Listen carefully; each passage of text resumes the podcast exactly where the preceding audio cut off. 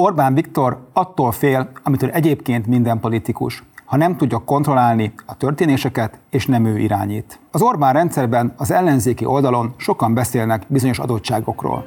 Úgy, mint adottság, hogy bizonyos témákat kerülni kell. Adottság, hogy kitől lehet pénzt elfogadni. Adottság, hogy a budapesti levitézlet véleményvezeket kell megnyerni. Hogy alkalmazkodni kell mindenben a már porondon lévő szereplőköz. Adottság, hogy adottságok keresztüzében kell tölteni az életünket, és így végül nem tenni semmit, ami kilép Orbán játékából. Így pedig Orbán helyett tulajdonképpen saját magát önszorgalomból kontrollálja az ellenzék. Nem biztos, hogy új pártra van szükség, hanem sokkal inkább új politikai tartalomra, szerveződésekre, közösségekre, politikai innovációra, politikai bátorságra. Olyan szereplők kellenek a politikába, akik képesek az adottság mágián kívül gondolkodni. Mondjuk ki a vétót a megbénító adottságokra, és gondoljuk végig, hogy egyáltalán 2023-ban miért érdemes Magyarországon politizálni. Emlékezzen vissza minden politikus arra az első pillanatra, amikor megfogant benne a hívó szó a politikára. Nem a benzinkártya volt, és nem a szolgálati lakás, hanem a képzelőerő elsőprő ereje, hogy legyen egy radikálisan másik Magyarország, egy olyan, amiért érdemes küzdeni. Aki meg nem ezt gondolja, arra semmi szükségünk nincs.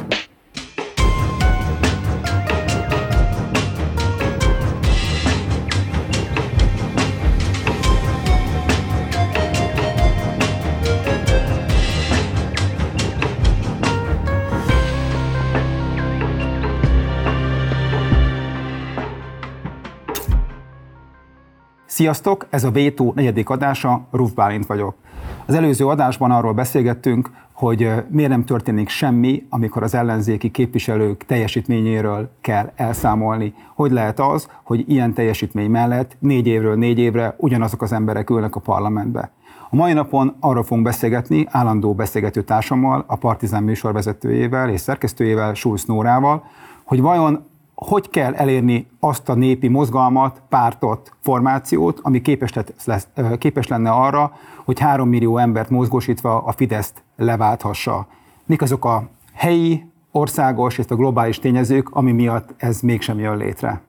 Szia Nóra! Sziasztok! Így van, és akkor szerintem kezdjünk először arról beszélni, hogy milyen lenne az a sikeres, vagy politikailag értelmezhető mozgalom, vagy egyáltalán politikai formáció, amit keresünk, és szerintem itt nagyon fontos több dolog is. Az egyik az az, hogy amit látunk egyébként a magyar politikában, hogy nagyon sokszor egy-egy szűk elitcsoport bejelent egy új formációt, létrehoznak egy jogilag pártként működő entitást, ami valójában azt a szerepet, amit egy pártnak vagy egy politikai formációnak, ami fel akarja forgatni az erőviszonyokat, nem tud betölteni, hiszen nincsen organikus kapcsolódása a társadalomhoz.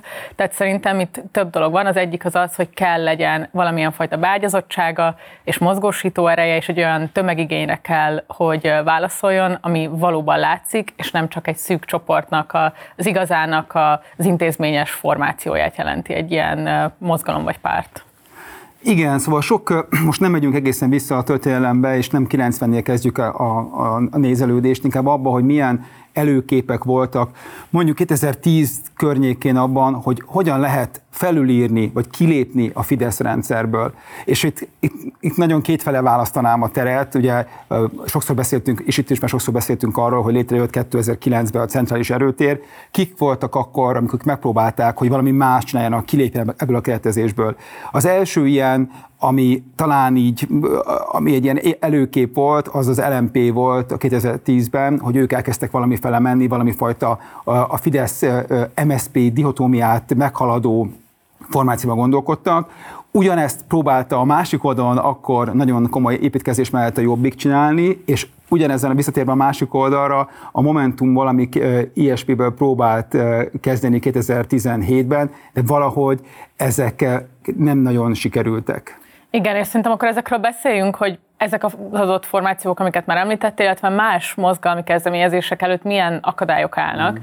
És szerintem itt majd menjünk végig rajta. Nyilvánvalóan vannak azok a tényezők, amelyeket a Fidesz hegemóniája, ez a jobboldali hegemónia igazából állít bármilyen új kezdeményezés elé, mhm. de vannak olyan tényezők is, legyen itt az, hogy a társadalmaink mennyire elmagányosodtak, atomizálódtak, mennyivel kevesebbet járunk közösségbe, hogy mennyire kiemelt lett a politikában a digitális térnek a szerepe, és hogy egyáltalán mennyire nehéz összeszedni azt az erőforrást időben, pénzben, ami kell ahhoz, hogy egy ütős politikai mozgalmat tudj létrehozni. Szerintem ezekről mind beszéljünk majd, mert az előbb említett történetekben, meg mindenben ez, ez benne van.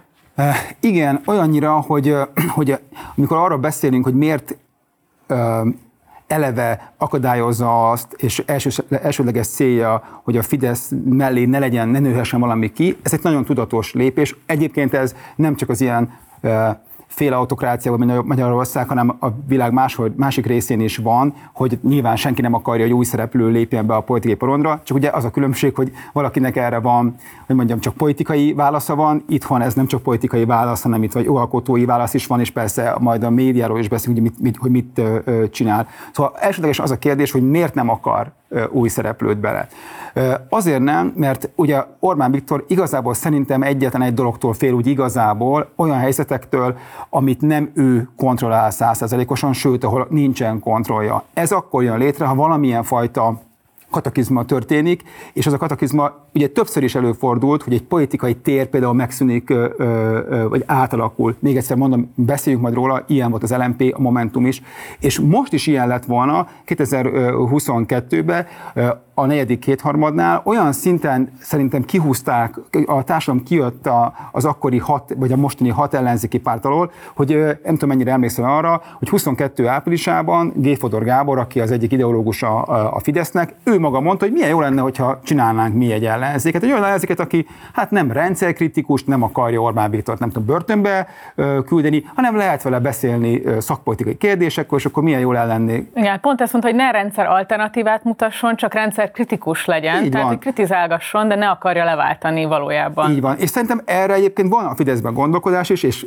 cselekvés is, hogy hozzunk létre saját magunk. Ez nem összeesküvés? Nem, ez szerintem ez a valóság. Tehát, hogy hozzunk létre olyan pártokat, akik be tudják ezt az űrt tölteni, mert ha nem mi hozzuk létre, akkor valami más más fogja létrehozni, és, és attól viszont félni kell. Na de hogy mit csinál? Szóval az elsőlegesen az, hogy ez az, az egész párt támogatási rendszer pontosan arra van kitalálva, hogy Orbán Viktor ismeri a legjobban az ellenzéki szereplőket, pontosan tudja azt, hogy az erőforrásokat hogyan kell nekik adagolni, és az, hogyha, hogy, hogy ezek a, hogy a, az ellenzéki pártok kb. egy ilyen kartelként működjenek, hogy ne valakit be tudjanak engedni. Hiszen a politikai erőforrások a nagy része a Fidesztől most olyan szempontból, hogy a kormánypártól eredeződik, tehát abban, hogy minden pártnak az az elsődleges ö, ö, ilyen álma, hogy megugorva az 5%-ot, ugye az a kérdés, hogy akkor megint ugye legitimálva a választásokat, ugye, ami szerintem ilyen szempontból rendben is van, bekerüljön a parlamentbe, a parlamentnek vannak szabályai, ahol, ahol minél, minél több frakciót részesítik előnybe, minél, ha minél több frakció van, annál több pénz van. Tehát van egy ilyen jogi keret, amivel ugye arra destinálja őket, hogy nehogy valaki újat beengedjetek ebbe a rendszerbe, már ti is legyetek összezárói, hogy bárki akarna ebbe csatlakozni, ti legyetek az első védvonal, aki ezt, aki ezt megszünteti. Zárjatok össze, de ne egyesüljetek, mert akkor valójában a teljes pénzösszeg, amit ö, kaptok, az csökkenni fog. Tehát, hogy pont ez az, hogy mindenkinek pont a saját kis területét kelljen őriznie, ami már megvan. Vagy zárjatok össze, ha valaki be, nagyon be akar jönni, akkor hozzátok be, és gyorsan legyetek egy, egy gyorsan vegyetek be a buliba. Az, egy, ez egyik ilyen módszer, szerintem ez, ez az administratív része, ez a pártfinanszírozási törvény, meg a, meg a parlamenti törvény miatt van. Természetesen az is van, hogy ugye mi minden évben van választási törvény módosítás, ugye az is az, össze, az összeindulás, menjetek, legyetek egy tömbbe el, ne lehessen igazából külön menni, úgyis ez is az összezárás, nehogy valaki ki tudjon belőle törni, nehogy valaki ki tudjon jönni ebből a ebből az orgona sípból, ami szintén az egyik trükkje. Ugye az az orgona síp, hogy legyen bármilyen téma, azt mutassa be a, a Fidesz saját médiáján keresztül, meg, hogy is mondjam, a ilyen átételes médiáján keresztül is, hogy, a, hogy az ellenzék igazából ugyanaz, e, ugyanazt mondják egy, egy sípba, semmi különbség nincsen. Magyarul, ha bárki be akar jönni a politikai térbe, azonnal a Fidesz körbe keretezi őket, hogy ő a balliberális ellenzéknek a része, beletolja azokba a témákba bármilyen új szereplőt, amiben neki van egy saját álláspontja, és az ellenzéknek van egy saját álláspontja külön.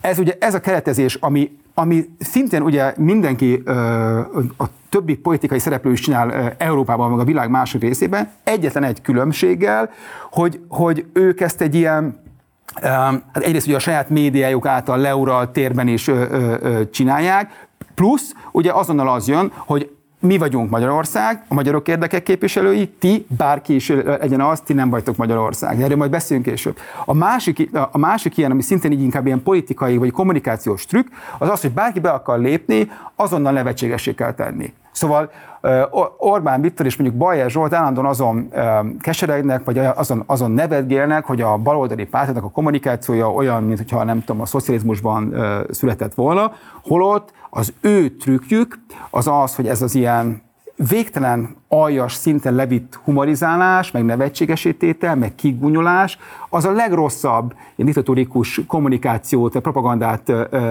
hozza elő, hogy bárki ö, fellép, legyen ez egy fiatal lány, vagy egy idős férfi, teljesen mindegy, ő hülye, béna, idióta. Ezzel azonnal kontraszelektál abba, hogy ki akar egy ilyen helyzetbe bekerülni, új politikát csinálni, amikor azt tudja, hogy hát ez azonnal egy, egy, egy, egy óriási pofon, egy teljesen nemtelen, és mondom még egyszer, hát a legrosszabb Ludas Matyi időket idéző, a kulákokon való nevetkezés hozza elő. Szóval ez a, ez a másik. A harmadik ilyen, vagy, vagy, vagy nem tudom hányadik, az, a depo, az, a, az, hogy hogy mi a politika és mi nem a politika. Az a, ő, ő abból indul ki, hogy, hogy, hogy, hogy aki, politikával, aki politikával foglalkozik, az, valami, az, valami, az valami rossz dolog, hogyha nem a, ha nem az ő saját politikai táborán van. Tehát mindenki, aki kívül esik a Fidesz keretén belül, az, az már olyan politikát csinál, ami igazából ilyenkor már nem is kéne már politizálni. Igen. Igen, és szerintem ezek mind nagyon fontosak, tehát hogy valóban érdemes elmondani, hogy a Fidesz nagyon-nagyon küzd azért, hogy ne legyen valódi ellenfele.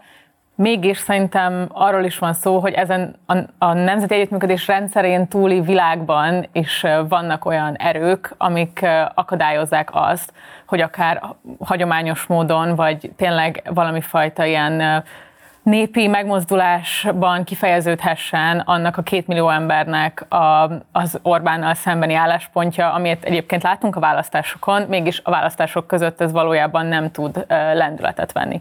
És szerintem ebben az egyik legfontosabb dolog az az, hogy megszűntek azok a helyek, ahol hagyományosan politizálni lehetett.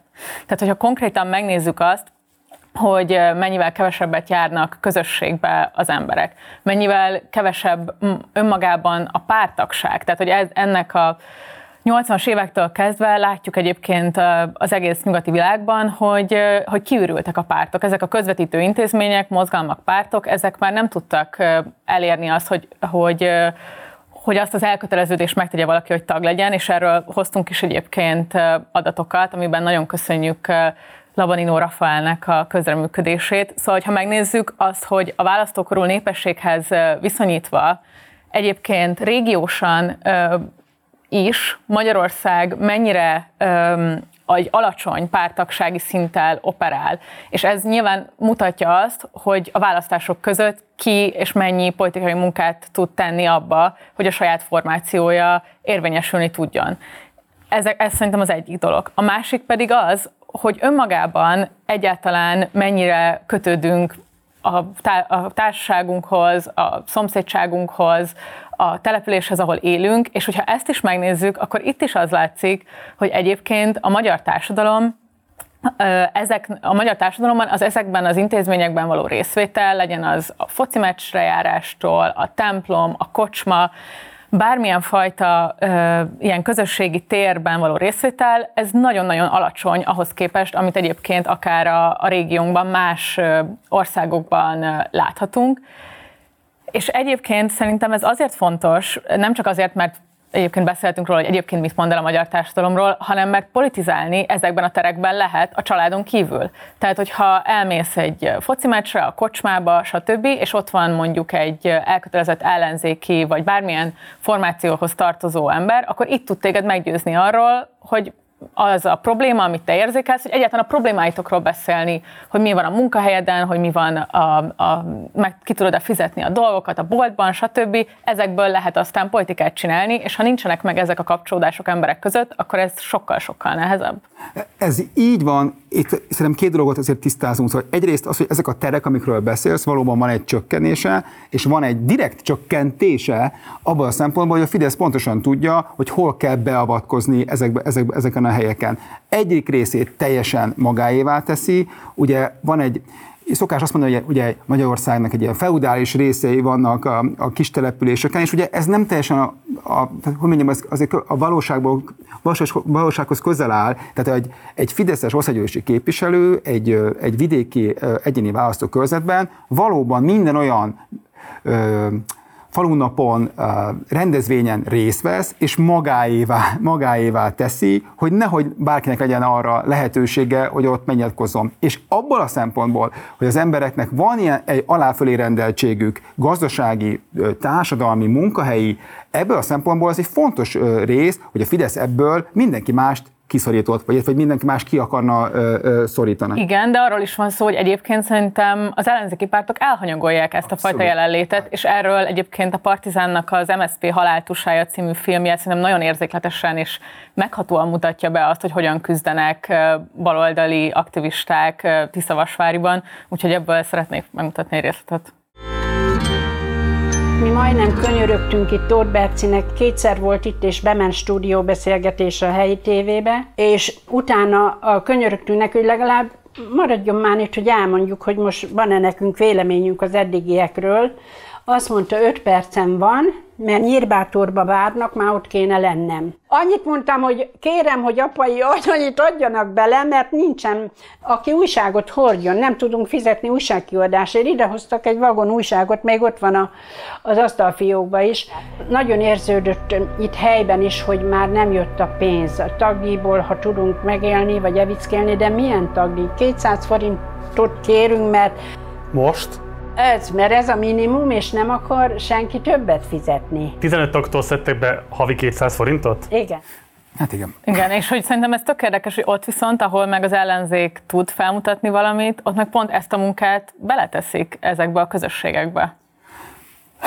Szóval itt egy kicsit hátrébb kezdeném. Szóval az egyik az, hogy, hogy Magyarországon mit jelent a pártok, és hogy a párt mit jelent a választók számára. Szerintem van itt egy, egy vágy, és van egy valósági szint. A vágy az, hogy hát igen, ezek mindenkit megtalálja a saját maga a keresletben megtalálja, hogy, hogy, hogy milyen pártok fogják őt képviselni, hozzászólnak, és, és lényegében mindenki felhatalmazást ad arra, hogy a népképviseletet gyakorolja a pártokon keresztül. De Magyarországon ez nulladik pontok kezdve nem így működik, hanem az, a választók, én azt gondolom, a nagy részük, és főleg azok, akik hogy a választás eldöntik, inkább arra az ajánlatra várnak, hogy egy párt mit tesz értük. Mit kapnak, hogy ez támogatás, hogy ez virágoztás, hogy ez védelem, hogy ez, hogy ez valami fajta közösségi érzés. Ezek így vegyesen vannak, de én azt gondolom, hogy inkább amit kapnak része a, a fontosabb. És a Fidesz ezt tökéletesen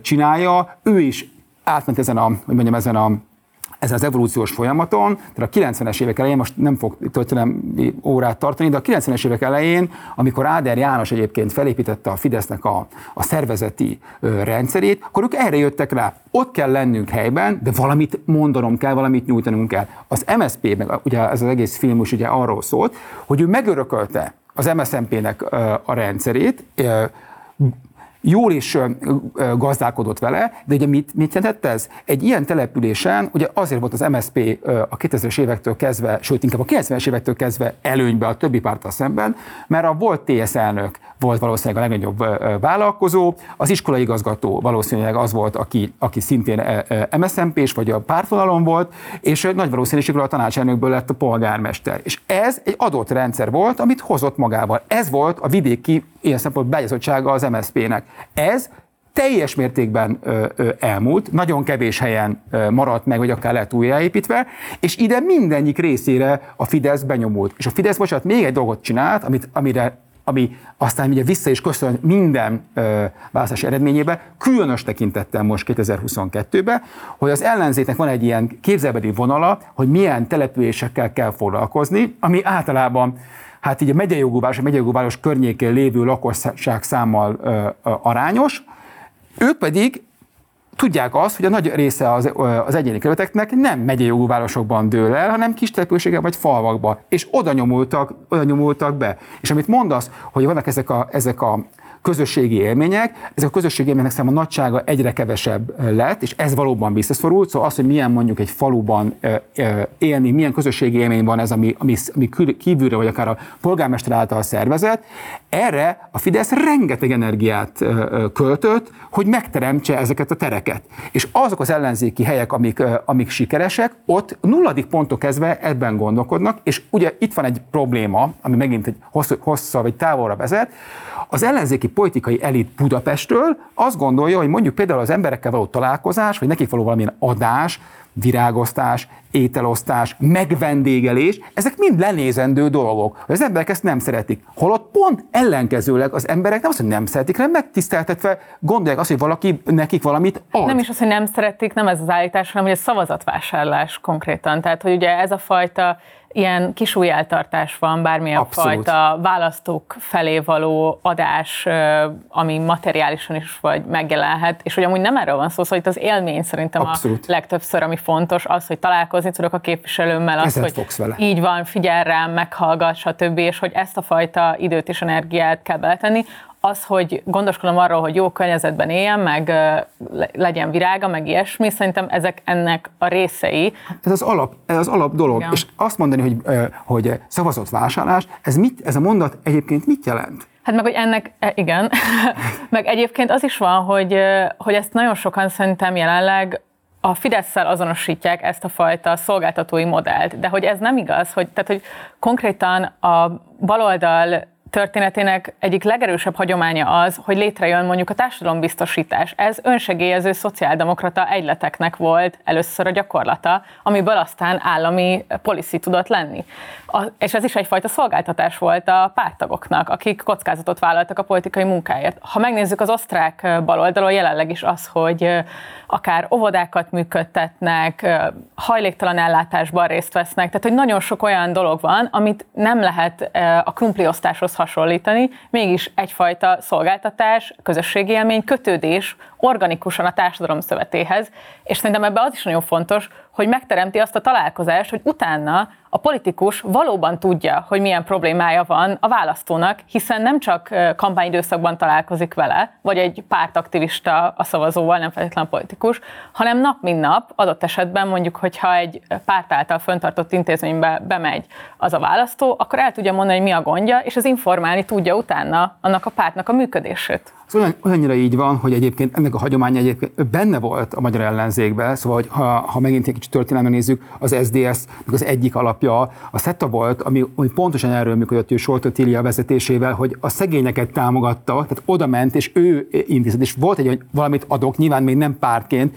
de hogy ez, hogy én valamit csinálok valamit, teszek, és nem csak az van, hogy a parlamentbe pofázok, hanem lemegyek és csinálom a dolgomat, ez teljesen kihat. És bocsánat, itt van van egy nagyon fontos dolog, hogy amikor beszélünk arról, hogy zöldmező, meg barna mezős beruházás, hogy pont az a munka, amit egyébként 2006-tól kezdve a jobbik kezdett el csinálni, és ez igazából az ő szempontjukból egy sikerszéria volt, mert lényegében nullából lettek nagy országos párt, az pont erről szólt. Megtalálni azt a helyet, ahol, be, ahol, van hiány, ahol be kell nyomulni. Az esetükben ez az MSZP-nek a, a, az eltűnése volt, hogy amikor megnézzük azt, hogy hogyan tűnt el Észak-Magyarországról az MSZP, amit egészen addig uralta, akkor ide ment be először a Jobbik, és amikor meglátta ezt a Fidesz, ők is mentek utána, hogy jaj, jaj, baj lesz, és ezt a fajta munkát, hogy igen, is dolgozni, tereket csinálni, adni, kezdte el most kicsit másképpen, és talán kevesebb intenzitással a mi hazánk is. Igen, és szerintem egyébként még itt egy dolog van, ami ezt a fajta ö, szervezés nehézé teszi, ami nem a Fideszhez köthető, hanem egy ilyen átfogóbb mítosz szerintem a magyar közéletnek, hogy az, hogy a munkahelyeken nincsen politika, az jó. És szerintem ez már a rendszerváltás óta, a négyigenes népszavazás óta egy ilyen beépült reflexe nagyon sokaknak, hogy valójában az, hogyha a munkahelyen vagy az iskolában politikáról van szó, az, az autoritár működéseknek ad teret. És hogy szerintem, ha a mából nézzük, akkor azt látjuk, hogy valójában nem. Ez pont, hogy az érdekérvényesítést megnehezítette, és az autoritár viszonyokat viszont nem tudta megelőzni, hiszen pont ez történik, hogy a Fidesz határozza meg azt, hogy mennyi politika fér bele, mm. mennyi nem, ki politizálhat ezekben a mm. terekben, és ki nem. És pont emiatt szerintem tipikusan talán egyébként a, megint csak a baloldal számára, aminek a hagyományos bázisa az mégiscsak valamilyen fajta dolgozói réteg lenne, nagyon nehéz elkezdeni építkezni, nagyon nehéz akár a szakszervezeteknek is működni, emiatt mert tabuizálva van ezekben a terekben a politika. Illetve, hogy nincs tabusítva, hanem pont arra van szó, hogy a Fidesz saját magáévá teszi. Tehát ők pontosan tudják azt, hogy ezeken a közegekben lehet, hogy mondjam, ellenérzést, ellenállást, egymás találást csinálni, ami egyébként valamilyen szinten működhet is, hogyha lenne valamilyen ajánlat, ami alapján ezt lehetne csinálni, de hogy mit csinál a Fidesz? Különös tekintettel, hogy most a mai nappal, vagy a, vagy a mostani napokban fogják elfogadni a státusztörvényt a, a pedagógusokra vonatkozóan, ebben is ugye ez a depolitizálás van, és abban is, hogy azokon a helyeken, ahol ő nem akarja, hogy legyen politika, akkor azt mondja, bekapcsolják azok, és hát igen, ezeken a helyeken nem szabad politizálni. A gyerekek körül, egyetemen, munkahelyen, a vasútnál, igen. a postánál, ugye ahol minél több ember, de ugye ők mit csinál, miért csinálják ezt? Mert ugye azt mondják, hogy ezekből ki kell vonni a politikát. A Fidesz egész kormányzása teljes, a totális politika politika. Tehát ők totális politikában gondolkoznak, minden kérdés politikai kérdés számukra, a legutolsó Dada kinevezése is Fideszes helyeken, de mégis azt mondják, a másikat abban vádolják, hogy ide ne hozzuk ezt be. Ugye ez azért van, hogy ne, ne lehessen beszélgetni erről. Meg ez az igazi totális politikai logika, hogy még azt is én mondom meg, Pontosan. hogy mi nem lehet ez politika. Így van. Ez így van. Igen. Ez így van. És hogy amiről beszélünk, hogy egyrészt szerintem van a a párt, mint kérdésnek a félreértése, hogy egy új pártot csinálni, egy pártként működni, az mit jelent, hogy annak az eldöntés, hogy vajon mire a, a megszólítandó tömeg mire mit szeretne, mi az ajánlat, amivel egy párt fellép feléjük, és a másik pedig az, hogy ebben van egy teljes homály szerintem, és amíg, amíg a, a korábban a korábbi tudás is már kell szerintem kopni, a Fidesznél szerintem nem. És a másik pedig az, hogy van az, hogy, hogy van ez az elképesztő kiábrándultság, ami abból jön, hogy olyan sokan próbálkoztak már, de aztán végül is nem lett belőle. Na beszéljünk akkor ezekről. Szerinted miért nem sikerült az LMP-nek, a Momentumnak, illetve az MSP Jobbik esetében mi, mi nem működött? Szerintem más-mások vannak. Amit mondtam, hogy, hogy, hogy mégis, hogy, hogy egy össze, mindig egy, egy összeomlás előzte meg. Szóval az LMP-nek azért volt hatalmas nagy lehetősége, mert az akkori párstruktúra, ami egészen 90-től 2010-ig működött, hogy van az, az SDS, az MSP, valamennyire az MDF egy ilyen váltórendszerben működik a fidesz együtt, ugye 2010-re ez megszűnt, ugye a szőkefajadalom elmosta, vagy elsodorta a nagy részüket, ott volt egy tér, amiben lehetett volna valami újat csinálni. Ugye ők is, ők se a semmiből jöttek, nem egy fán teremtek, hanem ugye az egész Dunakör, Védegylet, humanista párt, Sólyom László vonalból jött ez létre, ugye az egész Sólyom Lászlói közösség elnökség az ugye már a Sifer volt az egyik, vagy ő is benne volt ennek a, a, a, a az alakításába, és akkor létrejött valami, ami magáról azt mondta, hogy, mi, hogy egyrészt lehet más a politika, kettő, hogy ideológiailag egy ilyen nem elkötelezett valami, ami jobboldali, baloldali. Értékszintézis. Értékszintézis, nagyon szép szó. Mindenki megtalálhatja benne, amit szeretne, vagy, vagy mindenki beleláthat valamit, amit, amit szeretne. Egy bázisdemokratikus módon jöttek létre, ami azért hát megnehezítette a, a gondolkodást, és amikor ők elkezdtek, szerintem egy óriási lehetőségük volt, mondom még egyszer, mert egy, mert egy, mert egy káoszban, vagy egy, az, ezen a Fideszen kívüli ö, oldalon lehetett volna ö, megerősödniük, és ahelyett, hogy, hogy mentek volna előre, ö, és a saját maguk ö, útját járták volna, kezdődött az, ami minden ilyen formációban elkezdődik, először is az, ez, amit mondtam, ez a, a versenytársaknak a nyomása, ugye, pon, ugye konkrétan ők azért mentek tönkre, mert egy, hát a 90-es évekből is ismerős, aztán többször visszatélő kartázás kezdődött el, amikor azt mondták, hogy hát igen, van a nagyobbik rossz, ugye Orbán Viktor, ez, ezzel szembe egyesüljünk egy, egy, egy egységé, ugye a karta az a 90-es években volt, amikor, amikor lényegében az MSZP visszatért a, a, a mainstreambe, és egyesíteni próbálta az antifasiszta erőket Magyarországon, ebben lényegében hát megint ezt a két tömböt hozták létre, de újra előjött ez 12-ben, ugye akkor Bajnai Gordon vezetésével, és az LNP szétszakadt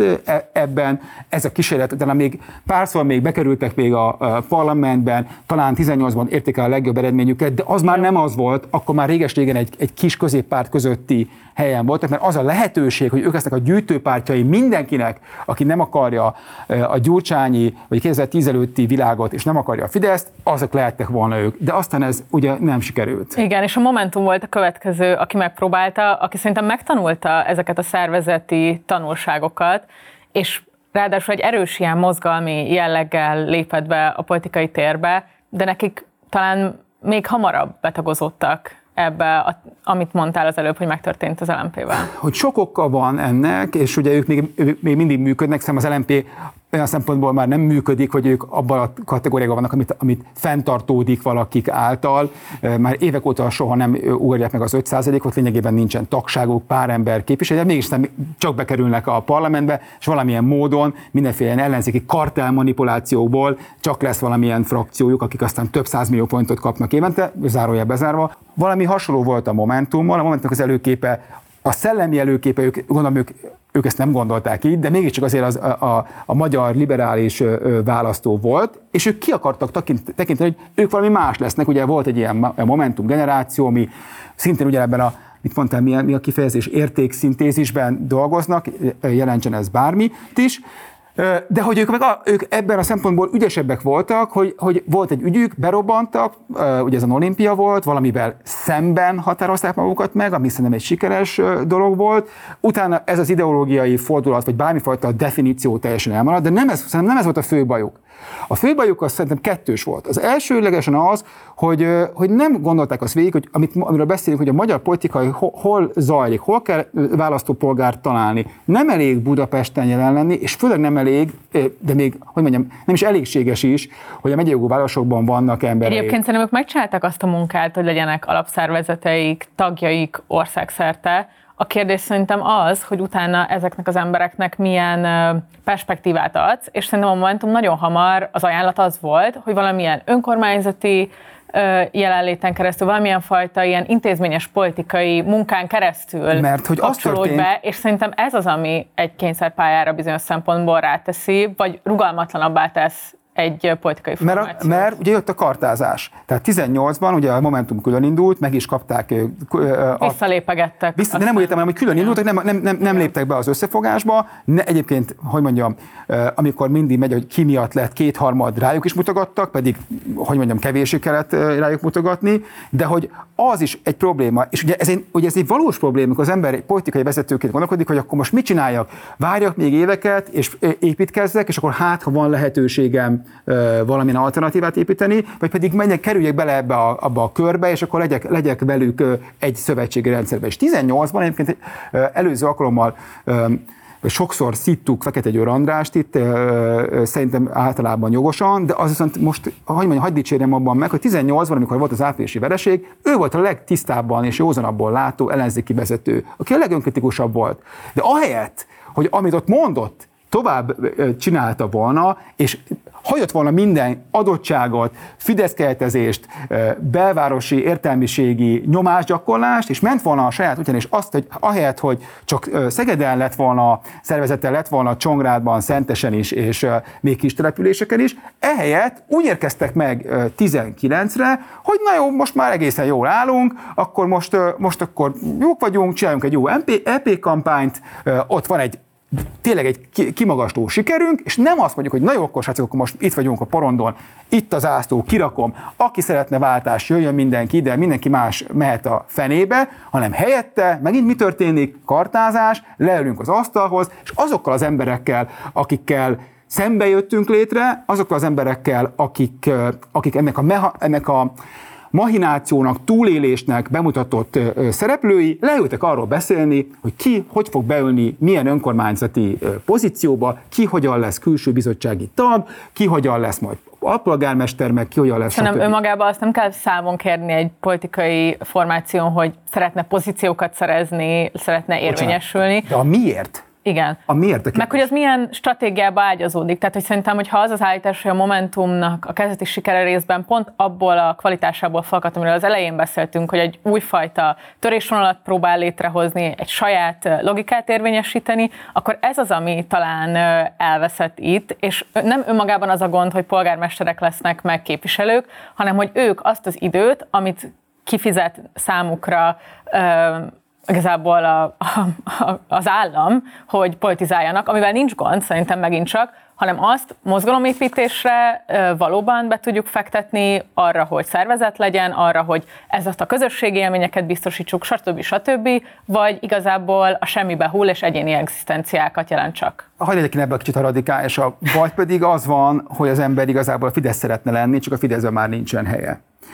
és azt a fajta gondolkodást, amit ők, hogy, hogy ők képviselik a politikát, ami arról szól, hogy ez egy ilyen hatalmi mátrixokban gondolkodunk, mindent, minél több erőforrás birtokolni, és aztán majd meglátjuk, azt akarjuk lemé, ö, ö, ö, lemásolni. De ugye a, ugye a Momentumnál szerintem ez, nem ez volt a probléma, hogy mondjam, nem, nem csak ez a probléma, hanem az, hogy nincsen ajánlata onnantól kezdve, hogy bekerült ebbe a rendszerbe, és akkor azt mondja, én igen, akikkel szemben létrejöttem, azokkal együtt ülök a bizottságban, és együtt szavazunk, és most már nem látok mindent fekete fejjel, hanem a szürke 50 ányalatába értem a világot, amikor kell beszélgetnünk különböző, nem tudom, közbeszerzésekről, hanem hanem hogy nincs, nem mond azóta semmit. Tehát az a fajta centrista, vagy ilyen pólusképző uh, gondolat bennük, hogy akkor majd ők lesznek majd az új erő, az semmifajta ajánlattal nem, nem párosul. És ugye ez, amit mondjuk, hogy, hogy létrejössz egy szervezetet, aminek, ami semmit nem mond, tehát nem tud elmondani, és akkor, amit visszautalva. Szerintem az egy fő mérce, hogy azok az emberek, akik egyébként mondjuk ellenzékek egy kis települést, amit mondtál, vagy egy kisvárosba, és elmennének mondjuk abba a közegbe, amiről te beszéltél, hogy hol politizálnak az emberek, ugye nagy része ugye ez a kocsmában ö, zajlik, megmere szólalni, van-e bármilyen mondani valója avval, amikor mondjuk nézik közösen együtt az m a híradóját, hogy miért hülye az a bemondó, hogy miért hazudik bele a, a, az arcodba, mert a többieknek, akik a Fidesznek... Nem csak azt mondja, hogy miért nézed ezt a szart, ugye, hogy ezt a megbélyegző... Megbélyegző, igen, igen. mert, mert oké, ezt mondod, és aztán véget ér, hogy, hogy, hogy, hogy merjél le kiállni a véleményedért, kapsz-e valamilyen olyan vélemény mankót, amivel éltelen tudsz ott beszélni, mert szerintem ez, egy, ez, a, ez, a, ez itt a fő probléma. Most ebben a, a Momentum, ebben szintén hát mondjuk nem jár élen. És hogy a, ugye a politikai innovációról beszélünk sokszor, és ugye akkor itt, ugye mondtad ezt a Jobbik MSZP kérdéskört, és ugye ez az, amitől ugye az egész arról beszélünk, hogy mik azok a, a kérdések, mik azok a helyzetek, amit, amit Orbán Viktor nem tud kontrollálni. Nagyon kevés ilyen helyzet volt az elmúlt 14 évben, amikor lehetőség lett volna valamilyen innováció vagy újdonságra. Szerintem az LMP-nél ilyen volt, nagyon gyorsan elmúlt, a Momentumnál ilyen volt Szerintem ez is nagyon gyorsan elmúlt. A Jobbiknak a népatosodását én nem feltétlenül hoznám ide bele, mert ugye erről beszéltünk talán az valamelyik adásban, hogy ezt eleve nem volt egy annyira jó ötlet, de hogy volt egy olyan pillanat, amikor 17-ben volt két versengő erő, ezt egyiket Vona Gábor vezette, a másikat Botka László vezette, ebben nekem mondom, még egyszer mindig mondom, nekem van ebben ilyen szempontból személyes érintettségem, csak azt szeretném elmondani, hogy mi történt itt. Amikor egyáltalán, ott voltak mindenféle ilyen szimbolikus ügyek, ez is már történelem, hogy uh, ugye Simicska Lajos adatta a Jobbiknak a plakát helyeit, és akkor megjelentek ezek a nagyon erős uh, mi dolgozunk, ők lopnak plakátok, amik valóban kontrollálhatatlanok voltak a Fidesz számára, hogy a saját helyein megjelennek róluk, hát finoman szólva sem mondjuk dicsérő képek, akkor a, a Magyarország gyűlésbe ugye megint szokásos módon beterjesztették azt, hogy akkor ne lehessen ilyen köztéri plakátokon kampányolni, és ez egy kétharmados törvény volt, amikor akkor éppen nem volt kétharmada a Fidesznek, és az látszott, hogy valami elindul ebben a két párban, hogy, hogy levetetlenül szoros szövetségben, de talán a legvégén a választási versenyben a két erő, aki lefedi azért ott már 20-20-25 százalékban az országot, a végén egyesüljön abba a cél érdekében, hogy leváltsák Orbán Viktort. Ugye ez a rémálom, ugye annó még akkor, most már látszik, hogy nem működött négy évvel később, hogy a két oldal a centrális előtérbe egyesül.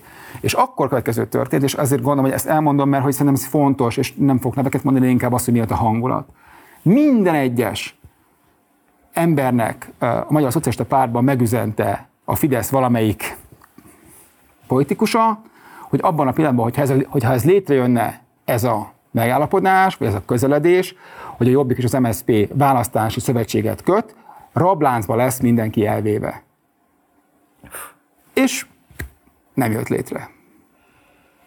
Ja, hát szerintem olyan szempontból is más egyébként, mint ami végül lett 22-re, mert akkor még ugye egy Gyurcsány nélküli MSZP Jobbik Igen? elképzelés lett Igen. volna, mert ugye mindig ezt hozzák fel, hogy jobbik szavazók sosem szavaznának le Vagy volt jobbik vagy szavazó. volt jobbik szavazó, igen, és hogy ugye akkor pont ez volt ennek talán az ereje, hogy és, és bocsánat, enélkül. a Vonna Gábor féle jobbik, akkor ereje teljébe volt azt a építkezést, amit egyébként tényleg belerakott energiát, Akkor kezdte learatni. akkor Igen. kezdte learatni a, a, Igen. a, annak a gyümölcsét, tehát ott volt egy 20%-os párt, ami szerintem körülbelül akkor lényegében az majdnem az üvegplafonja volt a, a jobbiknak, és volt, egy, volt mellette egy, egy viszonylagosan erős ö, ö, ellenzéki oldal, szóval ott lett volna ilyen szempontból ö, akár érdemi esély, Persze, ezek, mondom, ezek múltról beszélünk, ez most már csak egy ilyen képzelgés ilyen szempontból, de akkor is volt. De maga az, hogy Orbán Viktor ezt, a, ezt azonnal észrevette, hogy az ő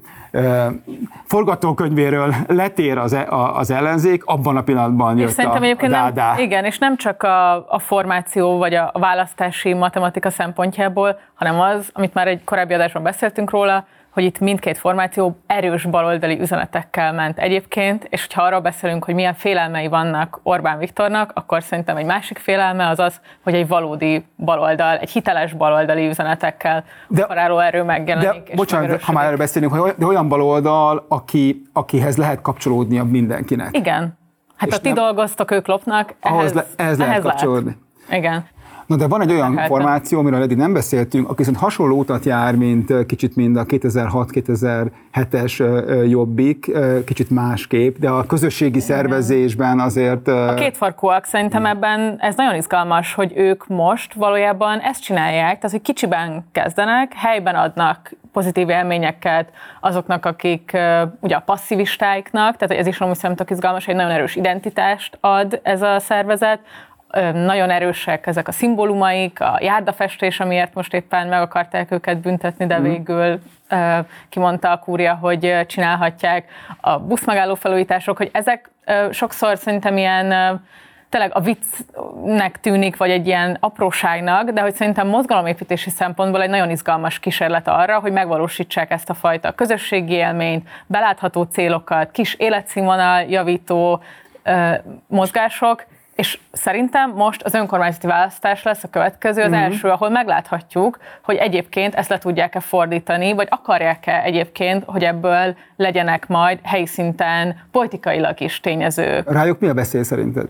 Szerintem alapvetően ez, hogy el kell dönteniük szerintem, hogy mit akarnak, és az, hogyha ők bemennek megint csak ugye ebbe a kormányzási ö, szerepbe, Szűkölt felányolata. igen, akkor tehát, hogy el tudom már képzelni Kovács Gergőt a 12. kerület polgármestereként. Az egy izgalmas kérdés szerintem majd a választók, meg a, a kétfarkú kutyapárttal szimpatizálók számára is. De abban azért biztosak lehetünk, hogy, a, hogy, a, vagy nem biztosak lehetünk, de valószínű, valószínű, hogy ugyanabba a térben nyomul be ő is, nem? Vagy amit a, most itt hosszú távon gondolkozva az a liberális, vagy a liberalizmusba hajló választói csoport, aki aztán mindig így keresi kicsit a, a, a Hát nekem a ez, az, ez túlélés, az állításom, igen, hogyha az lesz majd a kérdés, hogy Orbán vagy nem Orbán, akkor a kétfarkú szavazók alapvetően taktikailag szerintem egy rendes választáson egyelőre az ellenzéki tömörülést választják. Magyarul, bocsánat, magyarul az, hogy ha mondjuk ha, ha új pártról van szó, vagy új párt alapításáról, akkor az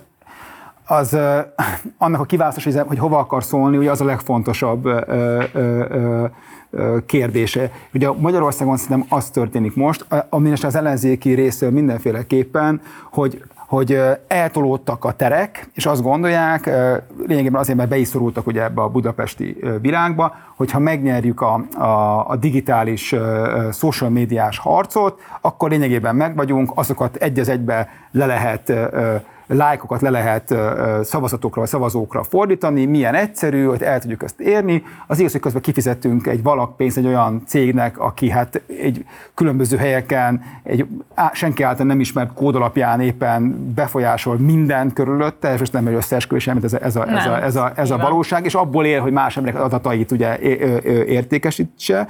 És hogy az a kérdés, hogy, hogy ebből a szempontból Szóval, hogy én azt gondolom, hogy ez egy, ez egy, ez egy tévedés arrafele elmenni, hogy, hogy, hogy itt kell nyerni, Igen. hanem ez egy, ez, egy, ez, egy, ez egy szintér, de hát nem a legfontosabb szintér, de te erre mit gondolsz? Igen, egy eszköz, a digitális eszközök, ahogy bármilyen akár marketing, választási, mozgalmi, szervezési eszköz, szerintem nem szabad hogy mondjam, stigmatizálni azt, hogy valaki az online térben érvényesülni akar. Mert szerintem sokszor ez is megtörténik, hogy miért akar petíciót indítani már megint ö, valamelyik ö, párt vagy mozgalom, Azért, hogy el tudja érni a támogatóit. És ez van, hogy jelenleg, hogyha el akarod érni azt, aki utána szavaz rád, aki utána akár adományjal támogat, stb., ahhoz szükséged van arra, egyébként GDPR adatszabályzatoknak megfelelő módon, hogy az, aki veled kapcsolatban akar lenni, azt utána el tud érni. És ehhez szükség van ezekre az eszközökre. És szerintem ez egy fontos szervezési eszköz is lehet, hogyha, hogy el tud hívni a szimpatizánsaidat, hogyha megjelensz egy településen, stb. Tehát, hogyha ez is megint csak az van, hogyha be van ágyazva egy olyan stratégiába, bővülési, mozgalomépítési stratégiába, amihez föl tudod használni azt, hogy itt vannak támogatóim, vagy itt vannak olvasóim, vagy követőim, akkor utána abból lehet valami. Önmagában elérést generálni és önteni a pénzt egyébként olyan hirdetésekbe, amik pusztán csak ilyen szőnyegbombázással minél több ember lássa, ami szerintem részben volt a, az ellenzéki kampány esetében 22-ben 100 milliókat, milliárdokat öntöttek Milliárdokat. bele a, az online térbe, az nem biztos, hogy a leghatékonyabb. Az, hogyha valójában meg, megtalálod azokat az online digitális eszközöket, amivel egy hosszú távú kapcsolatot tudsz kialakítani választókkal, annak szerintem van értelme, és ez egy hasznos dolog. És bocsánat, itt van még egy félreértés, hogy ha, szerintem a politikának az egyik, főleg itt Magyarországon, és főleg ebben a e, mostani ellenzéki helyzetben, és a Fideszhez képest is a legfontosabb szava a jelenlét hogy a Fidesz lényegében az országban mind, majdnem, hogy minden településen jelen, van. Valahol nem, valahonnan kivonult, valahova be se került, nagyon kevés ilyen hely van, de mégis van egy olyan érzet, hogy jelen vagy. A Facebooknak, meg az összes social médiának van egy olyan hamis tudata, hogy akkor az ellenzék is jelen, hát ott van mindenki, hát ott, ott, van, ott van a párbeszéd is, ott van a nem tudom, Márkizaj Péter, és mindenki ott van, jelen vagyok. De ez nem így van. Tehát ez egy hamis tudat, mert jelen lenni személyesen kell ezeken a, ezeken a helyeken. Ez a politikai munkának a lényege. És ugye ezt kapcsolom össze ebben, hogy, hogy van-e ajánlatod, mert hogyha van ajánlatod és jelen vagy, akkor tudsz egy kicsit már előbbre, előbbre Igen. mozdulni. Tehát az egy nem jelenlét, hogy van egy Facebook hirdetésed, az egy eszköz arra, hogy esetleg már megvan mindened hozzá, akkor is hiányzik valami, ami, ami egy ilyen általános működés generál, akkor ez az. Hát vagy két személyes kapcsolódás között föntartja szerintem azt a gondolatot, hogy te jelen vagy. Ez, ez szerintem van, vagy egyébként az, hogy az online térben tudod elhívni majd a személyes találkozóra azt a választót, akivel találkozni akarsz. Tehát szerintem mozgósításhoz kell, és egy mm. fontos eszköz, csak jól kell használni. Mert hogyha nem így lenne, akkor Jakab Péter lenne valószínűleg a legerősebb ellenzéki pártnak a vezetője, és egy per egy kihívó lenne Orbán Viktornak,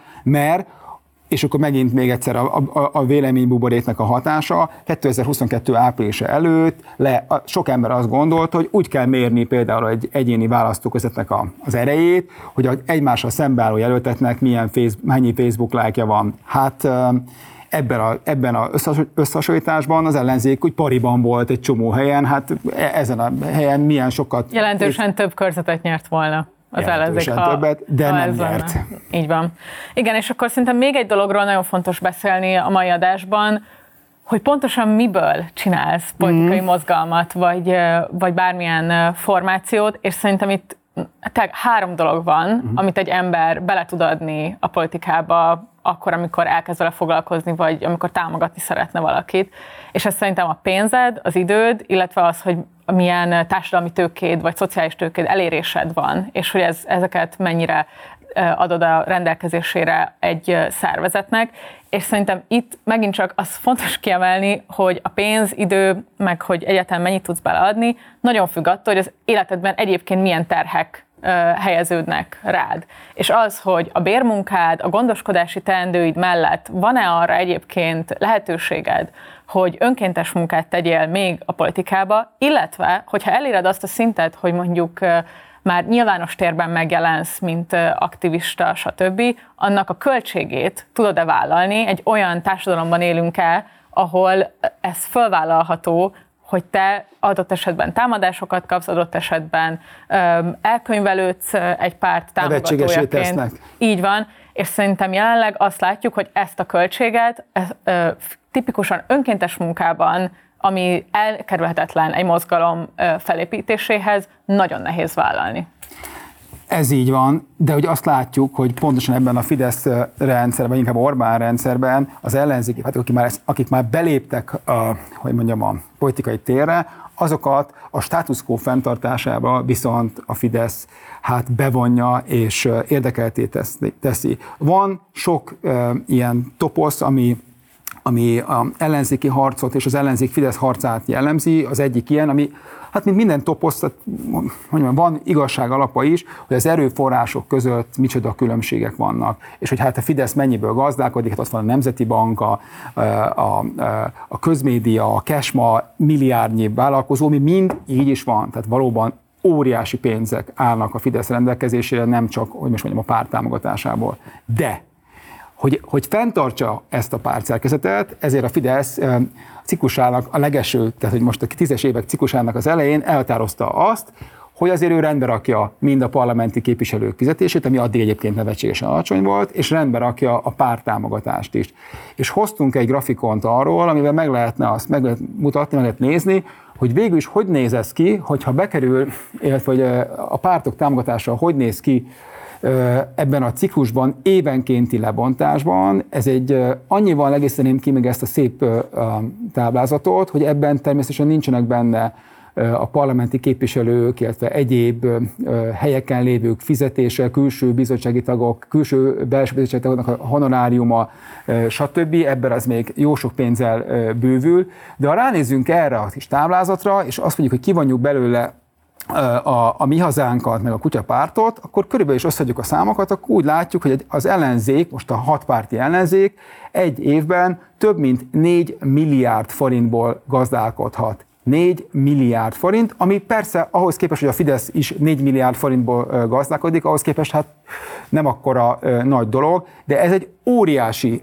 összeg. Egy óriási összeg, ami lényegében az elmúlt időszakban nem arra fordítódik, hogy hát hogy mondjam, épüljön, szépüljön a pártszervezetnek az a része, aki el tud érni az emberekhez, nem arra fordítódik, hogy megteremtse, vagy próbálja meg kompenzálni az ellenzéki pártok által mindegy imamalomként ismételgetett egyenlőtlenségekbe, jaj, nincsen saját médiánk, jaj, megver minket a Fidesz, jaj, nincsen saját tévénk, stb., ami egyébként mindig az, hanem ehelyett Hát, hogy mire költődik, na azt hát hogy mondjam, csak elképzeléseim vannak. Hát négy évente kampányokba belemegy. Ugye ez nem teljesen így nem. van, mert ugye mert az, ugye arra még van külön támogatás is, ugye a, a négy évente lévő kampánytámogatás, azok igaz, hogy az Európai Parlamentire meg az önkormányzatire nincsen, de a többire pedig van. Inkább azt mondom, hogy arra megy, hogy egyrészt van egy, van egy olyan réteg, ami azért sok emberből áll, akinek ez az egzisztenciája, hogy ellenzéki hogy ez képviselője, párt alkalmazott-e, frakciótanácsadó-e, kodifikátor-e abban a jogi helyzetben, amikor ugye olyan Igen. nem Szerintem kell. egyébként nem ez a gond, hogy vannak, akiknek egzisztenciát biztosít a politika, hanem az, hogy az a fajta réteg körülöttük viszont nem látszik, és ahhoz, hogy tényleg egy erős mozgalmat tud létrehozni, kell az a réteg, aki elkötelezésből, elköteleződésből, hitből van ott, és nem a fizetésért. Ez ebben igazad van, de ugye itt van egy, egy, egy, egy messzebbre vezető kérdés. Ugye a, a pártok azt mondták most már a harmadik választásukon, hogy azért vesznek részt a választáson, vagy ha bekerülnek a parlamentbe, akkor van az erőforrás, amit arra fognak majd költeni, hogy majd megépítsék az ellenzéket az Orbán rendszerével szemben. Igen, Közben a másik mondatukkal azt mondják, hogy hát azért ebbe a választásra nem kéne igazából részt vennünk, mert lejt, mert kompenzáció, és egy csomó egyébként legitim kérdés. De most hol van az igazság? Ha részt veszek valamibe, oda rakom a magamat, feliratom magamat a választói, vagy a, a lapra, azért, hogy aztán pénzt kapjak, akkor, akkor most akkor mi, ellen, mi, a, mi a harcom? Ez egy ilyen Fausti ö, kérdés, hogy akkor én most elindulok azért, hogy pénzt kapjak, de attól a pénzem meg pedig utána mit csinál? És ugye nézd meg azt, hogy ezek közül, akiket ott láttunk a táblázatban pártok, a nagy része nem létezik. De mégis erőforrást birtokol, erőforrást veszel másoktól, abba költi egyébként erőforrásnak a nagy részeit, hogy magát mutassa, hogy létezik, pedig nem létezik, és ebben ez a játék egy évről évre van. És ami az egész van a leg, nem gonoszabb, hanem inkább számítóbb, hogy ezt az Orbán ö, direkt csinálja. Szóval ezt ő pontosan tudja, hogy így kell velük bánni. És akkor az vezet, hogy elindulnak ezek a pártok, hogy vannak ezek a különböző szabályok, és tényleg azon ment a játék 22 után, hogy egyrészt A kérdés, Ben vagyunk már a parlamentbe, de felvegyük-e a bizottsági helyeinket, mert akkor mennyi pénzt fogunk kapni. Ezzel ment a szórakozás. Szerintem egyébként ez oké, okay, vagy hogy szerintem vegyék fel a pénzt, és nem mondják, hogy nincs értelme indulni a választáson. Vagy hogy, tehát egyetértek veled, hogy döntsék el, és de... hogy én ebben azt gondolom egyébként, hogy igen, vedd föl, és utána fektest bele a közösségedbe, a mozgalmadba, a pártodba. És szerintem amúgy vannak, akik ezt csinálják, nem, ez az általános sajnos. És és csak azért is, hogy mit, amikor azt mondod, hogy ezek a pártok nem léteznek, ennek szerintem egy nagyon jó mércéje az, ami most kijött pár hete, hogy mekkora a pártagdíjaknak a, az aránya egy pártnak a költségvetésében, illetve hogy évről évre mennyit szednek be tagdíjakban, és erről is hoztunk egy, egy grafikon, és ez megint csak igazából az látszik, hogy ez az összeg nem csak, hogy eltörpül bármifajta más forrás mellett, hanem gyakorlatilag non-existens a, a Momentum kivételével szemben szinte láthatatlan összegről van szó, és egyébként megint csak még egy dolog, hogy a, a mi hazánkról beszéltünk, a legutóbb itt voltam, hogy mennyire ö, egy ö, mennyire valóság az ő támogatottságuk meg jelenlétük a társadalomban, és szerintem megint csak itt, hogy a választások után ö, időszakban a, a tagdíj ö, számaik azok hogy alakulnak, ez azt mutatja itt is, hogy a létezés és a nem létezés felől inkább az utóbbi felé tendálnak szerintem ugye amiket látunk itt, ezek ugye milliós tételek vannak, pár Igen. tízmilliósok, és ugye a Momentum itt kiemelkedik, mert hogy 77 millió az éves bevétele. ez azért is van, hogy a Momentum az egyik olyan párt, ahol van ö, ö, pártadó. Mindenhol van egyébként szerintem, vagy a legtöbb helyen föl, hát, és hogy szerintem ez egy jó dolog, vagy hogy ha valaki abszolút. kap egy pozíciót, hát, akkor abból osszon vissza hogyne. a közösségének. Hogyne.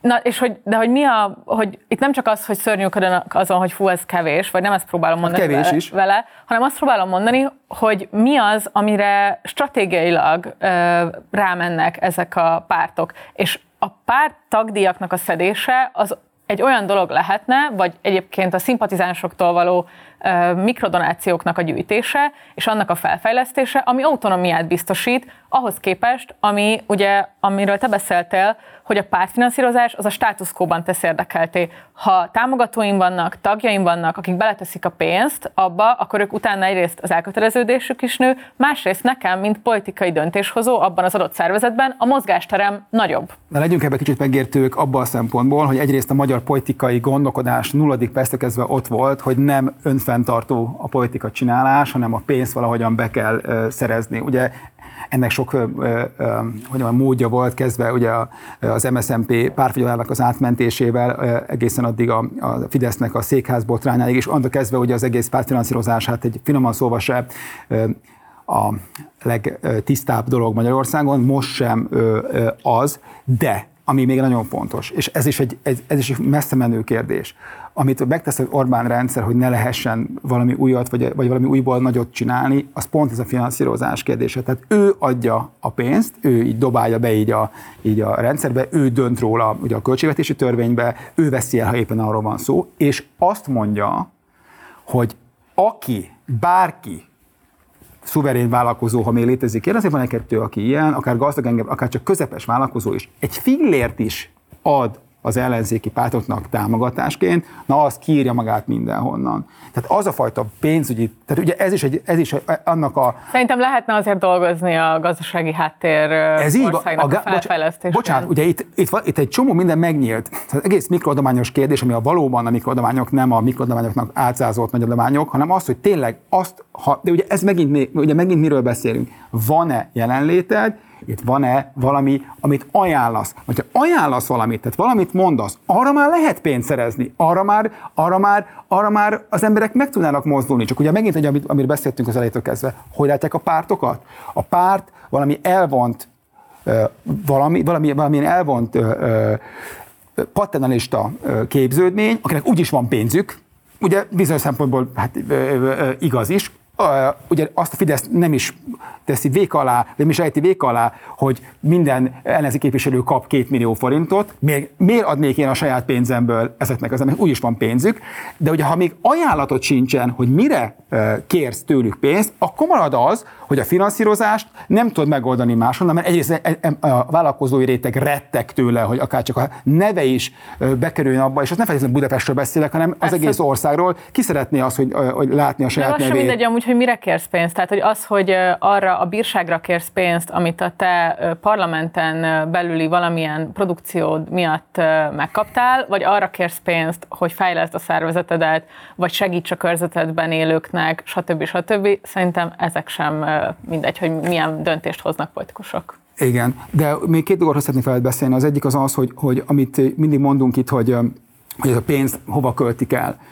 Én kezdetektől fogva is ezt, hogy mondjam, itt már a Partizánban is mondtam. Tehát a vereség után, amikor, a, amikor elvesztette a választás 22-ben az ellenzék, akkor lehetett már látni, hogy óriási nagy baj van. Tehát lényegében az a fajta uh, uh, még, még a, a, a, intaktan maradt választói csoport, akik a, akik a kis településeken, illetve a falvakban voltak, ott csökkent a legnagyobbat az ellenzék, hat ellenzéki párt, és ott nőtt a legnagyobbat a, a, a Fidesz. Tehát nulladik percre kezdve lehetett látni, hogy óriási gond van.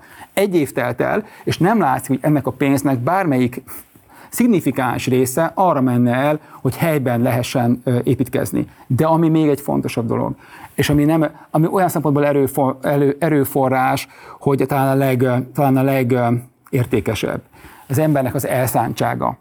Hogy miért lépne bele egy fiatal, öreg, középkorú a politikai ö, palettára, amikor egyrészt, egyrészt talán mégse gondolja azt, hogy mit jelent az, hogyha valaki eredményt akar elérni ellenzéki politikusként, két, három, négy, öt év az életéből erre rá kell tenni. Az nem egy két-három, öt évnyi jó év lesz, hanem egy kínszenvedés, ahol annak a felében egyrészt a, a meglévő ellenzéki pártok fognak rajta gúnyolódni, próbálják majd besározni, próbálják beintegrálni a kartelükbe, B ha kicsit ennél izgalmasabb, akkor a Fidesz fog ráfordulni, és hülyét csinálni belőle, és nem tudom, mémet csinálni belőle, és követni. Őt vagy is, rosszabb. Vagy rosszabb. Őt is, családját is, bármifajta családjában lévő vállalkozást is megtalálva, és az a kérdés, hogyha valakibe belép ebbe, és akár fel is tudja mérni, hiszen nagyon nehéz felmérni előre, hogy mi vár egy emberre, amikor a politikai síkra lép, nehéz azt meglátni, hogy miért, amikor az ember először arra ébred, hogy nem tudom, a Facebookját el, ellepik a gyűlölködő, névtelen kommentelők, vagy akkor arra ébred, hogy, hogy a magyar nemzetben éppen ki van szerkesztve egy hát minimális igazságtartalommal se bíró írás róla, felmenőiről, stb. De minden esetre ez is megvan, akkor is azt hiányzik, hogyha valaki ezt még be is vállalja, tudja is, hogy ezt a dolog be fog vele, be fog vele következni, de az, de az ő közössége, azok az emberek, akik szeretnének változást, meg fogják majd védeni. És ez a védelem szerintem teljes mértékben hiányzik, sok szempont miatt azért, amit mondtam abba, hogy a, hogy a ellenzéki a nagy része, tisztete kivételnek érdekelt a status quo fenntartásába, illetve azért, hogy teljesen, teljesen teljesen hiányzik, vagy inkább, inkább eltűnt az a fajta gondolkodás, hogy van egy közös célunk. És a közös cél az az, hogy szeretnénk valami mást ajánlatot adni, szeretnénk egy másik országot csinálni, ezért ennek ez, ez ez a lépése. És ha már megvan az elszántság, ami eddig nincsen meg, akkor kell azon elgondolkodni, hogy ezt a meglévő erőforrásokat hogyan kell alokálni, hova kell koncentrálni, mik azok a helyek, ahol az építkezést hát el kéne újra kezdeni.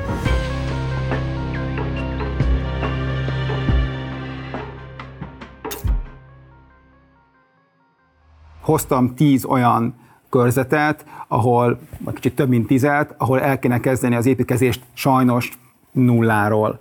Van egy olyan téveszme, ugye az a választási meg, választás megelőző kampányidőszakban mindenféle térkép született, ahol egymásra jó szándékú emberek egymásra vetítettek különböző eredményeket, és azt gondolták, hogy milyen jó, mert hiszen már csak egyet-kettőt kell meggyőzni, és valamilyen fajta siker Billegő lesz. körzetek. Billegő körzetek. A rossz hír az, hogy nem így van.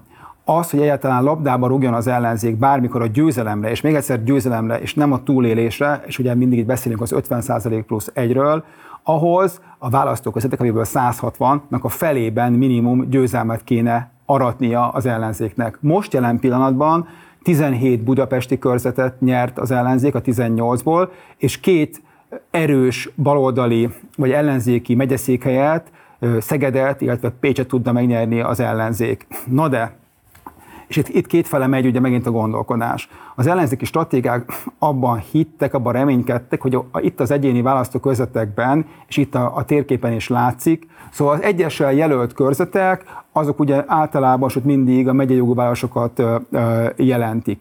A megyei jogú városokat se nyerte meg az ellenzék. Tehát nem arról van szó, hogy itt már minden rendben van, és már csak tovább kell mennünk. Azt kell látni, ha egyáltalán labdába szeretnénk rúgni, olyan helyekre is újra jelen, olyan, olyan helyeken is újra jelen kell lenni, ahol lényegében megszűnt az ellenzéknek a jelenléte, abból a szempontból, hogy valamilyen fajta hát eredményt elértek, de hát közel sincsen még az még akár a versenybe lévéshez se. És kezdjük egy kicsit az elejéről. Ugye itt nyugatról keletre. Ha most ránézünk a térképre, akkor lényegében e, a Dunától nyugatra egy körzetet tudott megnyerni az ellenzék, ugye ez Pécs van.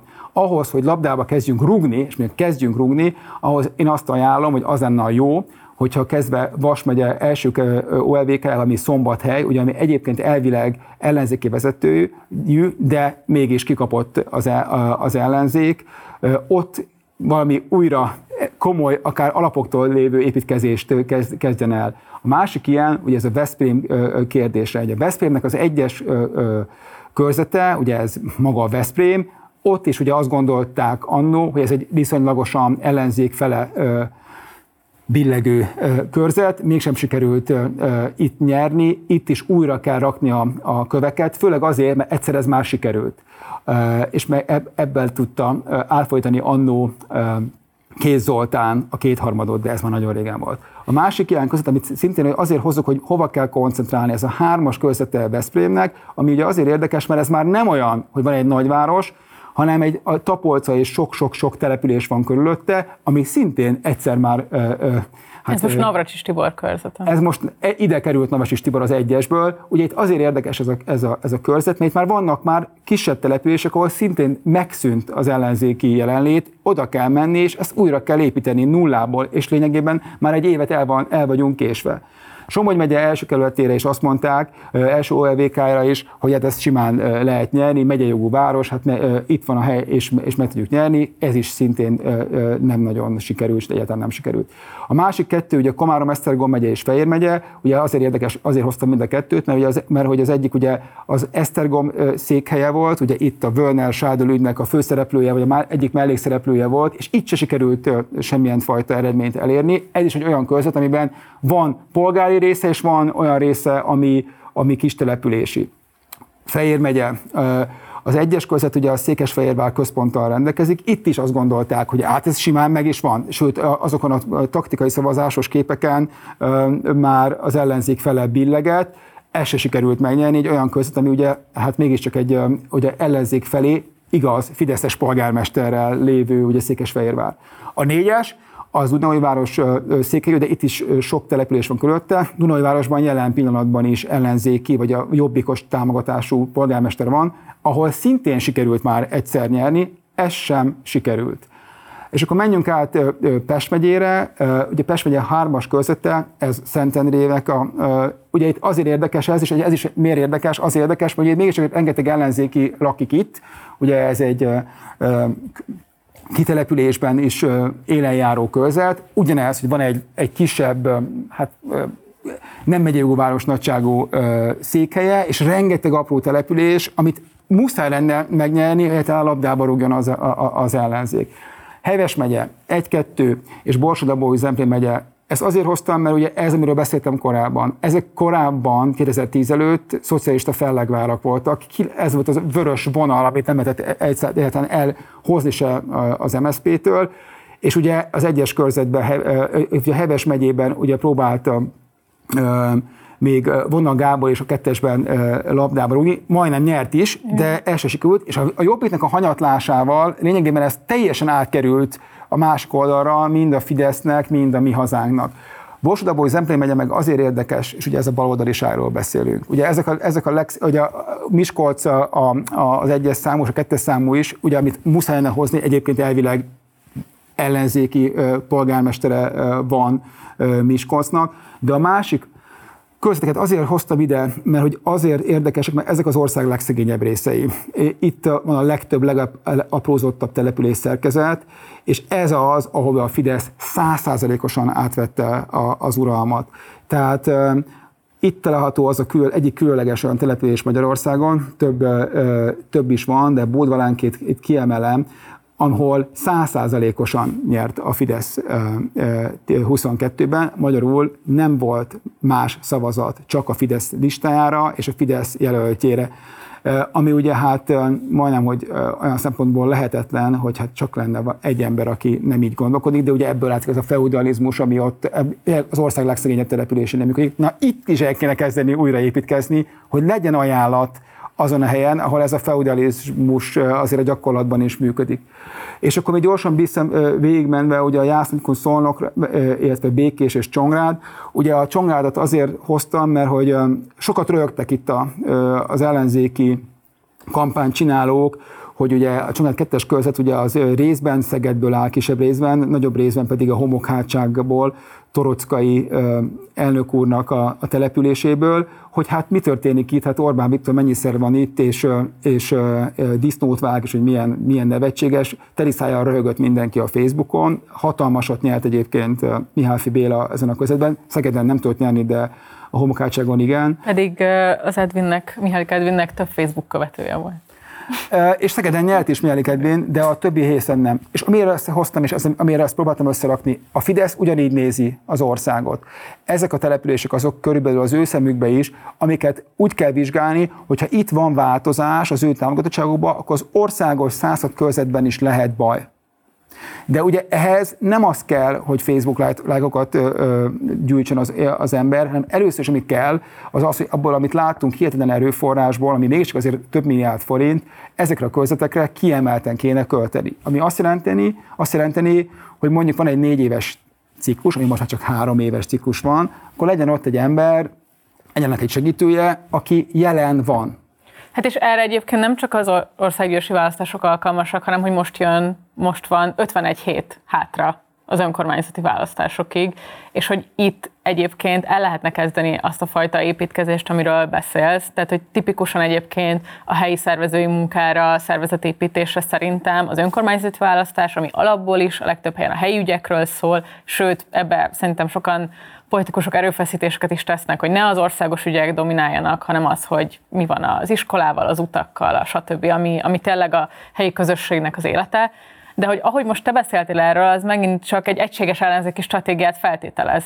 És hogy ami szerintem látszik, részben az EP és az önkormányzati egybevonásából, hogy még mindig nincsen, és nagyon nehezen látom, hogy meg lesz egy egységes ellenzéki stratégia az önkormányzati választásokra, miközben valójában építkezni az 50 plusz, 50 plusz egy felé, akkor lehetne, hogyha ez, ezekre a körzetekre, településekre egy közös stratégiával mennének, és nem pedig még azon a körzeten belül is felosztogatnák, hogy akkor meg egy településen belül, hogy a kompenzációs lista hogy fog esni, meg az egyes helyek hogy fognak esni, hanem tényleg abba mennének, hogy ezt közösen megnyerjék, és egy közös stratégia legyen ezért vagyunk itt a vétóban, hogy erről beszélünk. Engem az a része nem érdekel, hogy kinek hogyan lesz több külső bizottsági tagja. Az a kérdés, hogy például egy ilyen közvetet hogyan lehet újra megismerni, hogyan lehet jelen lenni, és hogyan lehet adni egy olyan ajánlatot, amin a végén ott lehet győzni. Ez volt a Vétó negyedik adása, jövő héten újra pénteken 6 órakor fogunk Pap Szilárddal és a meghívott vendégünkkel beszélgetni arról, hogy hol vannak a szavazók Magyarországon, az emberek mit gondolnak arról, mik a fontos kérdések, és mik a kevésbé fontos kérdések, illetve, hogyha ezt így tudjuk, és lehet mérni, és lehet tudni, akkor az ellenzék miért nem hozzájuk beszél, miért nem olyan nyelven, amit ők is értenek. Köszönöm, hogy itt voltatok velünk. Addig is mindenki, aki nem akar lemaradni, iratkozzon fel a Partizán YouTube csatornájára. Szervusztok!